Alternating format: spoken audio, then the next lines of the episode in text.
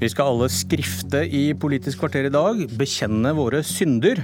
For Erna Solberg ser ut til å klare det alle, vel mange, mente var nesten umulig. Statsministeren selv ville ikke komme hit på dagen hun oppsummerer halvåret. Kanskje hun fryktet myke pakker. Men den første vi skal dele ut, virker hard. Og de som skal skrifte er Fridtjof Jacobsen, kommentator i VG. Trine Eilertsen, redaktør i Aftenposten. Politisk redaktør i Aftenposten, må jeg si. Lars Nehru Sand, politisk kommentator i NRK og programleder Bjørn Myklebust, velkommen. Takk. Takk. Og mens dere leter i hukommelsen, kan jeg bekjenne først. Vi skal høre fra en samtale jeg hadde med Erna Solberg for noen år siden, der hennes svar har tålt tidens tann bedre enn mine spørsmål. Jeg tror vi snakket om at Per Sandberg skulle inn i regjeringen. Er det en symbolsk spiker i kista for en firepartiregjering? Nei, det er det ikke. Så du tror fremdeles at en firepartiregjering kan se dagens lys? Jeg håper jo på et bredt borgerlig samarbeid. Ja. Og dette er ikke eneste gangen Solberg har fått insisterende spørsmål om hun ikke snart skal innse at dette ikke blir noe av. Og nå skal KrF, Frp, Venstre og Høyre snart snekre regjeringsplattform. Har dere begått analyser om dette som ikke har tålt tidens tann? Å oh, ja. Jeg bare sjekket i går, jeg tror jeg skrev senest for et år siden. så skrev, Jeg brukte riktignok ordet 'sannsynligvis', for vi har jo møtt oss sjøl i døren flere ganger, mange av oss. Vi har begynt å legge inn sånne 'sannsynligvis', og det, det tror vi. Men der sto det sannsynligvis firepartiregjeringen død. Helt død. Drømmen om firepartiregjering. Jacobsen, bekjennende synder. Ja, Trump kunne ikke vinne valget i USA, og regjering med KrF og Frp, det var umulig. Jeg, jeg ærlig talt, jeg orket ikke å se om jeg hadde skrevet det, men jeg, jeg har i hvert fall tenkt det. Mens Lars Nehru Sand, vår mann i NRK, du, du, sa i går at ja, jeg kommer ikke på at jeg har, har satt noen spiker i noen kiste her. Nei, men jeg har vel, eh, som Jacobsen, tenkt at det ikke fremstår særlig sannsynlig at skulle bli noe av. Og, og spesielt også når, eh, når, Venstre gikk inn alene, så, så uh, virka det jo mer sannsynlig at det ble en trepartisregjering ut, ut perioden. Jeg kan ikke huske å ha helt lukka døra for det, men, men, poenget er at jeg skal absolutt gi Erna Solberg for å ha trodd på dette og holdt tålmodigheten og alle dører åpne hele tiden. for det det fortjener hun honnør for. Ok, eh, La oss se på årsaken. da. Eh, Fridtjof Jacobsen, du, du, sa til meg at Erna Solberg er både undervurdert og overvurdert. Forklar. Jeg tror Erna Solbergs eh, store styrke som politiker er at hun tenker langsiktig. Og at hun står fast ved noen ting som hun, som, hun, lar avgjøre korte avgjørelser, også når de ser også når de ser rare ut i et kortsiktig perspektiv. I motsetning til journalister, får vi legge til. Ja, ja. Eh, det skal jeg definitivt. Eh, hvis vi hadde vært langsiktige, så, så hadde vi ikke hatt de jobbene vi hadde hatt. For det, da hadde vi jo vært helt ubrukelige. Eh, vi er øyeblikksmennesker. Men, men, men heldigvis, vi kan jo ikke styre et land med journalister. Det skulle jo tatt seg ut. Eller kommentatorer. Nå lar, nå lar vi det ligge. Ja, men, nei, men Erna Solberg har jo hatt et mål om å samle disse fire partiene i en si, forpliktende borgerlig koalisjon et regjeringssamarbeid. Det har hun hatt eh, veldig lenge. Hun var nær ved å klare det i 2013. De sonderingene som da fant sted i Nydalen, de, eh, det var reelle, eh, gode sonderinger mellom de fire partiene om å gå inn i regjering sammen. Noe ledelsen i partiene i hvert fall ønsket da de gikk inn der, men det skar seg. Nå er vi altså kommet dit i slutten av 2018 at sonderingene landet med at man går videre til forhandlinger. og jeg og jeg tror En av grunnene er at det man si at overvurdert og undervurdert. Er, jeg tror Erna Solberg er litt overvurdert i sin, i sin, evne til å håndtere akutte situasjoner som dukker opp som hun ikke er forberedt på. Da kan det av og til gå gærent. Eksempel? Eh, nei, en ting jeg husker er f.eks. det første toppmøtet i Nato som hun var på, hvor hun sa veldig mye rart som endte med at Norge ble skjøvet et, på en armlengdes avstand fra USA i sikkerhetspolitikken eh, og forsvarspolitikken i hvert fall eh, noen måneder. Eh, noe som bekymret veldig mange. for hun hun tråkka litt ut i det og var litt bastant uh, i hvordan ting hun sa om f.eks. Uh, krigføring i Syria og norske forsvarsbudsjetter etc. Men i det langsiktige, når det gjelder altså å, å gjøre det attraktivt, eller i hvert fall attraktivt nok, å gå inn i regjering med henne for først da Frp, så Venstre og så KrF, så har hun vært utrolig støv. Hva er, det, hva er det hun klarer der med de enkelte partiene på borgerlig side? Jeg tror hun for det første har en veldig god forståelse av de borgerlige partienes sjel. Eh, og så har hun en god forståelse av den politiske situasjonen eh, og hele bildet, som gjør at det å gå inn i regjeringen blir, selv om ikke det er 100% optimalt for alle partiene, så blir det det beste alternativet de kan eh, gå for. Og det at hun klarer å, å, å gjøre det, og samtidig bruke sine personlige egenskaper til å si at hvis du kommer inn til meg, så kommer det til å bli Du må jo ofre noe, det blir vanskelig, og det kan bli ting du må gi fra deg. Men i sum så kommer du til å ha det bedre enn hvis du står på utsiden. Eh, og du kan stole på at jeg vil deg vel hvis du kommer inn i mitt borgerlige samarbeid. Eh, det tror jeg hun har klart å, å nå så hos alle de tre andre partiene, og det er en ganske stor prestasjon, vil jeg si. Hva er din analyse, Trine Eilertsen? Nei, altså, det Jacobsen eh, peker jo på mye som, eh, mye som er deler. og så er det jo, eh, Hvis du ser på de problemene som har vært i den regjeringen underveis, hvis du tar én sjanger av problemer som har vært Frp-statsråder på, på kjølstyr, så har det vært en forventning også hos samarbeidspartiene at hun på en måte skal sette foten ned og være tydelig. og Vi kommentatorer har, har skrevet det utallige ganger at nå må Erna, hvis ikke så sprekker det. Og så har jo det vært en, en vurdering der da, mer eller mindre uttalt som er at ja, vi kan ikke drive med det hele tiden og disiplinere sånn fra steg til steg og prøve å trekke alle inn i forholdet. for da kan ikke dette samarbeidet fungere. Og Det viser seg jo at på lang sikt eh, så har jo det fungert. Eh, på den måten at Frp fremdeles er i regjering, mer eller mindre entusiastisk. Noe, faktisk, noe mange av oss også spådde ikke ville skje i 2013.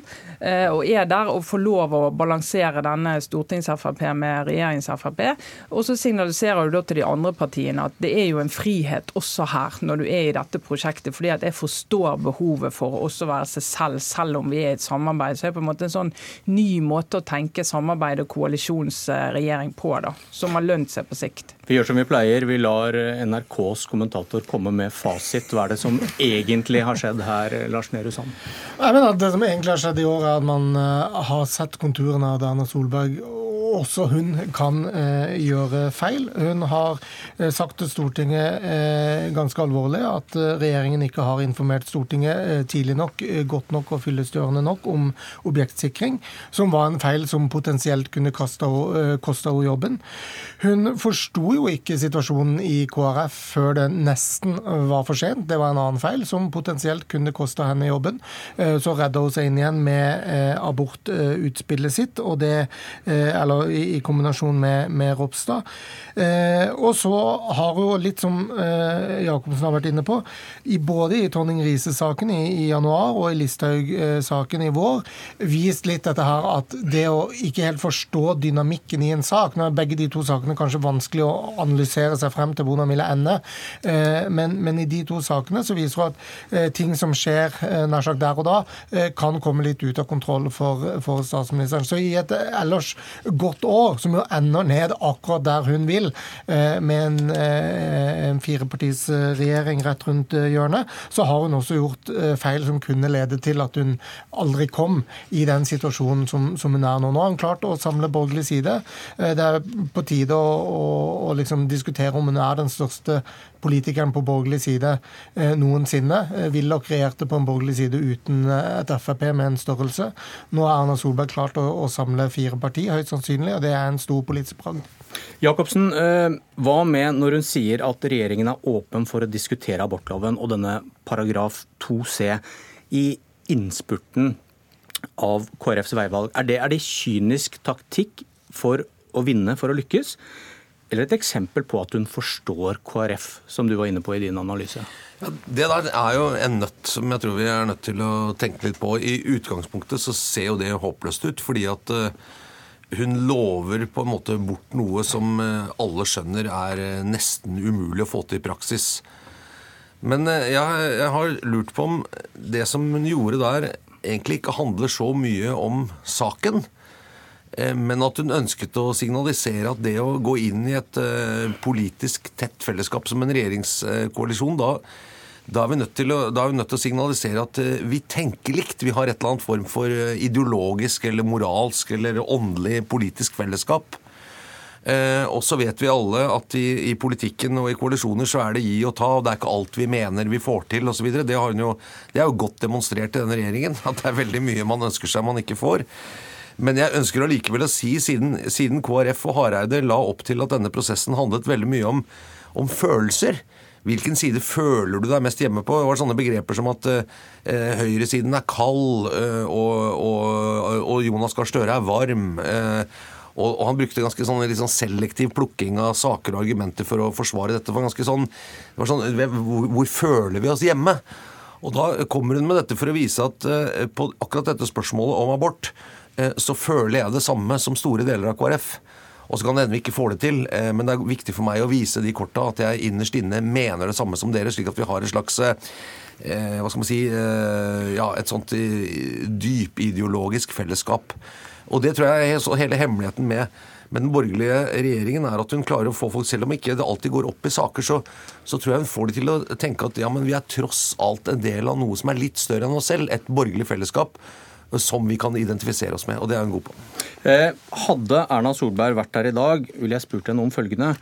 Det er ikke flertall for å endre 2C abortloven i Stortinget, men kan regjeringsforhandlingene ende med at de borgerlige partienes representanter blir tvunget til å stemme mot sin overbevisning for at KrF skal få en seier? seier? Trine Eilertsen, kan vi ende der at en regjeringsplattform banker dette på plass i salen? Altså det, det, er mye som kan skje. Jeg ser på det som ganske usannsynlig. Eh, og det, det som er litt spesielt med denne saken, det er at altså, i Høyre òg, som Høyre som jo ikke har reagert på noe av eh, kompromisser og ting de har måttet gå med på, de har bare lagt seg helt flat og er med på alt som kommer fra de andre partiene. Selv i Høyre så var det reaksjoner på, på dette utspillet. Og det er nesten ingen reaksjoner mot Erna Solberg i Høyre. Eh, og Det er eksempel på en sak der du har hatt en veldig sterk debatt, en hard debatt internt i forbindelse med landsmøtet, da det var et forslag om at Høyre også skulle endre standpunktet til denne paragrafen. Eh, en avstemning som Erna Solberg tapte. Og En sånn sak er det mye vanskeligere å bare legge på bordet og forhandle vekk i et kompromiss enn en sak faktisk som hele partiet er enige om. Det, det høres litt rart ut, men det, det, er faktisk litt sånn det er. For da vil du ha en del i partiet som opplever det som en litt sånn rå omkamp. Så der er det ikke bare altså risikoen sånn tradisjonelt for at du vil tvinge folk til å stemme for noe de er egentlig imot, for det gjør de jo hele tiden, men det er karakteren av saken, pluss at akkurat det som har med den type etiske spørsmål og vurderinger å gjøre, der er det jo tradisjon for at det er vanskelig å binde, binde representanter, ikke minst i Frp. Tror, tror, du partipisken kan bli tatt fram i denne saken her, eh, Lars Nehru Sand? Vi hørte jo FrPs representanter i en, en interpellasjonsdebatt med Bent Høie for, for, ikke lenge siden som sa at dette er ikke aktuelt. Dette kan ikke vi, vi stemme for, en endring av abortloven. Jeg tror det vil være symbolsk eh, vanskelig å gjøre i en, en, sånn sak. Jeg vil i likhet med, med Eilertsen være veldig overraska hvis man eh, ender ned der. Eh, det er jo selvfølgelig formelt mulig, men, men jeg tror eh, akkurat denne saken har en sprengkraft som, som, vil gjøre det vanskelig for partiene over tid. Eh, og, og, det er store velgermessige nedsider ved å, å, å, gjøre det, også for, for Høyre, som som har uh, måttet betale en pris for dette utspillet. Men, men uh, er, jeg tror også i forhandlingene uh, det vil bli et hardkjør mot KrF på, på abortspørsmålet. Til slutt blir dette en sjupartiregjering, der Høyre er det eneste partiet, og de andre må spille dobbelt med primærstandpunkter og vassende kompromisser, som snakkes litt mer mumlende? ja, det, på en måte så kan det helt sikkert bli det det er ikke sikkert at KrF kommer til å legge det abortgreiene helt øverst på lista si, fordi de skjønner at man ikke kan få det til. Og Hvis de mener alvor med å gå inn i en bred borgerlig regjering, så vil de akkurat som kanskje i reservasjonsretten si at vi får nøye oss med at Erna Solberg var enig med oss, men vi skjønner at det blir vanskelig, og vi, og vi trekker oss på det standpunktet. Men en sjupartiregjering, ja, det kan godt hende. Det, Frp er jo allerede et dobbeltparti, så, og de andre kan vel også komme dit. venstre. Jeg vet ikke hvor mange partier venstre er, jeg, egentlig. Nei, Det har jo alltid vært mer enn ett. Ja. Men eh, de, de, målingene tilsier i hvert fall at de må markere seg. Når de ikke klarer å markere seg i regjering, så får de jo markere seg på Stortinget, da. Takk for runden. Eh, dette var Erna Solberg. Team Erna Solberg. I morgen snakker Politisk kvarter om Jonas Gahr Støre. Hør på oss da også, kvart på åtte.